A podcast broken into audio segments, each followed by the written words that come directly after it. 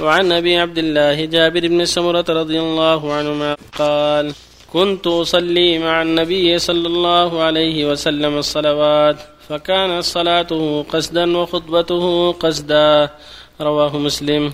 وعن أبي جحيفة وهب بن عبد الله رضي الله عنه قال آخى النبي صلى الله عليه وسلم بين سلمان وأبي الدرداء فزار سلمان أبا الدرداء.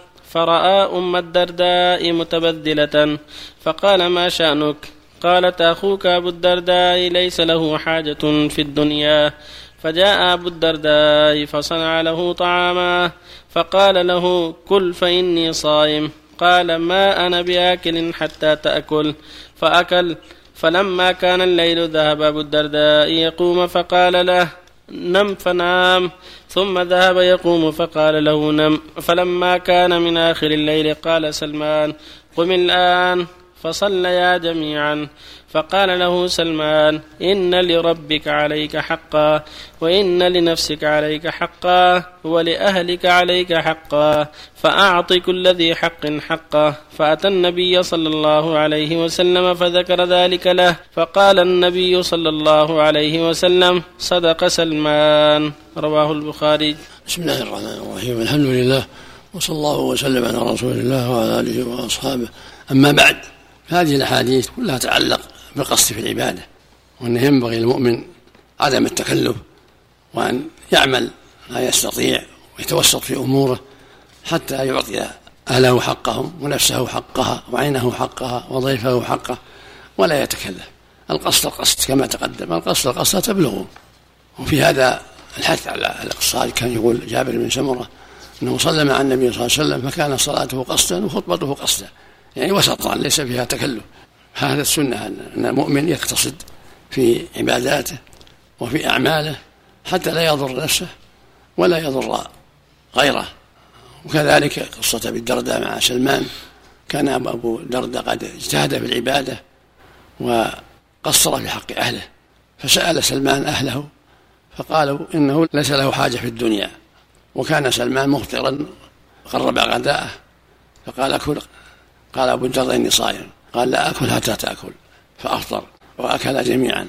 ثم لما جاء الليل أمره أن ينام. فلما جاء آخر الليل قال قم. ثم قال إن لنفسك عليك حقا ولأهلك عليك حقا ولعينك عليك حقا أو كما قال فأعط كل ذي حق حقه.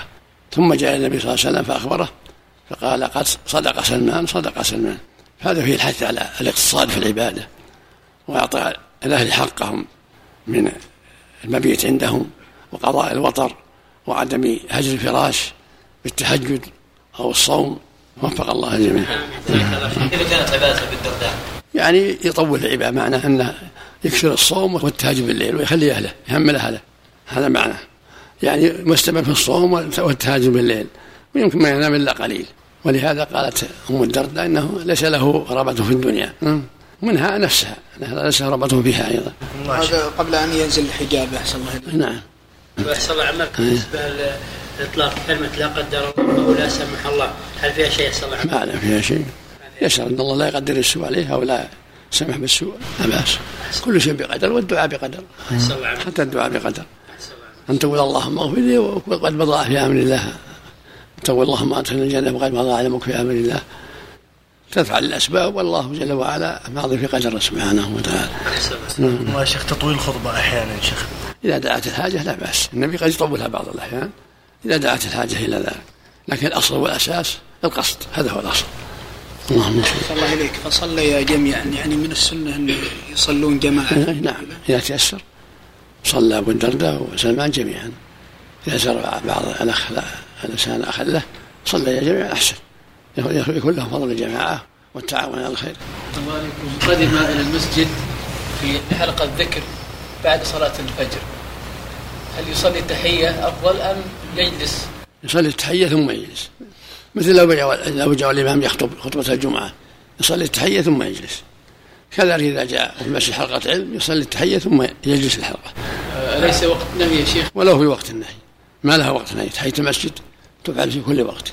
أحسن الله عليك أحسن الله عليك يا شيخ. إذا كان النساء متحجبات هل للإنسان في إمكانه أن يدرسهم أو يوجههم أو إيه، ينصحه في الإمكان. مباشرة؟ نعم. إن كان مثل ما أتى النبي صلى الله عليه وسلم النساء لما صلى العيد نعم. وقف عليهم وذكرهن ووعظهن وأمرهن بالصدقة. نعم. إن كان كاشفات لا يجوز. ينصحهم كاشفات ينصح. يعلمهم. يعلمهم. ينصحهم ويعلمهم. إن كان ان غير إن الواجب الحجاب. غير متغطيات. يعلمهم بالحجاب ولا يهملهم ينصحهم. جزاك الله خير. يعلم من جملة ما يعلمهن الحجاب. الحجاب وعدم التبرج بالزينة وعدم الخلوة بالرجل وعدم التقصير فيما أوجب الله وعدم التقصير بحق الزوج. يعلمهم ما قد يجهلون. لكن يكون بينه وبينها حجاب أم يقابلهم وهم كاشفات يغض بصره ويتكلم. ها؟ يغض بصره ويتكلم. جزاك الله خيرا.